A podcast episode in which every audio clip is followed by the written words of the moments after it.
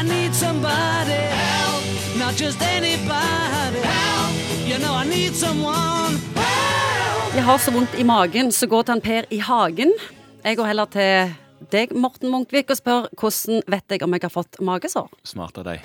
Jeg kan nesten ikke vite det uten å ha gjort en eh, god undersøkelse. Men hvordan kjennes det ut? Ja, hvordan kjennes Det ut? Det varierer veldig fra person til person. Det typiske er at du har smerter i midten nede bak brystbeinet. Høyt oppe på magen. Høyt oppe på magen. Og for mange så lindrer det å spise litt eller drikke litt melk. Og veldig mange har verre plager om natten når du legger deg ned.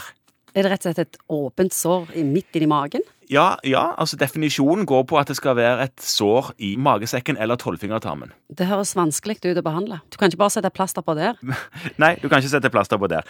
De aller fleste av de sårene som er i eh, tolvfingertarmen, de skyldes en bakterie. Og de aller fleste av de i magesekken også faktisk skyldes en bakterie. Det er en bakteriell infeksjon som eh, skyldes en bakterie som på et eller annet vis kommer seg ned i dette sure miljøet i magen og infiserer kanskje et allerede eksisterende lite skrubbsår eller en liten defekt i slimhinnen i magesekken. Men dette rammer jo 10% av befolkningen, og dette er jo enormt mye, syns jeg. Det er mye. Det er ganske, en ganske vanlig plage. Og før i tiden visste man ikke om denne bakterien.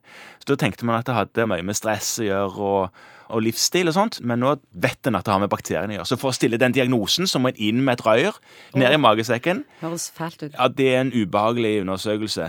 Men da går en inn der, så ser en og finner såret. Hvordan ser det ut? Det er som et sår. Altså, Dette er jo slimhud. Sant? Så, Ja, sånn hud som du har i munnen, for Så det er bare ekstra rødt. Hvis du går med magesår i lang tid uten behandling, og bare går og har vondt, Ja. er det farlig? Ja, sant, Det kan jo være farlig, for dette er jo sår så det blør.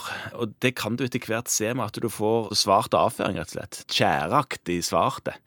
Det, og det er fordi at blodet som blør i magesekken, det brytes ned og fordøyes sammen med annen mat, og da kommer det ut som svart. Og hva skjer da? Nei, da kan du etter hvert eh, falle i eh, blodprosent eller hemoglobinverdi fordi at du blør uh, uten å stoppe blødningen. Og Da kan du bli slapp og dårlig. Så kommer det dramatiske, og det er hvis du plutselig får mye blødning. Da kan det være du kaster opp blod. Friskt blod. Masse blod. Det er dramatisk og potensielt livsfarlig. Hvor vanskelig er det å fikse? Etter at vi ble klar over at dette her hadde med en bakterie å gjøre, så har det blitt lettere å få vekk fra det man gjør, det som vi kaller for en trippelbehandling. Det første en gjør, er å redusere det sure miljøet i magen. Det har en en tablett til. I tillegg så får du to forskjellige typer antibiotikatabletter. Og dette får vekk den bakterien nesten alltid, men det kan komme igjen.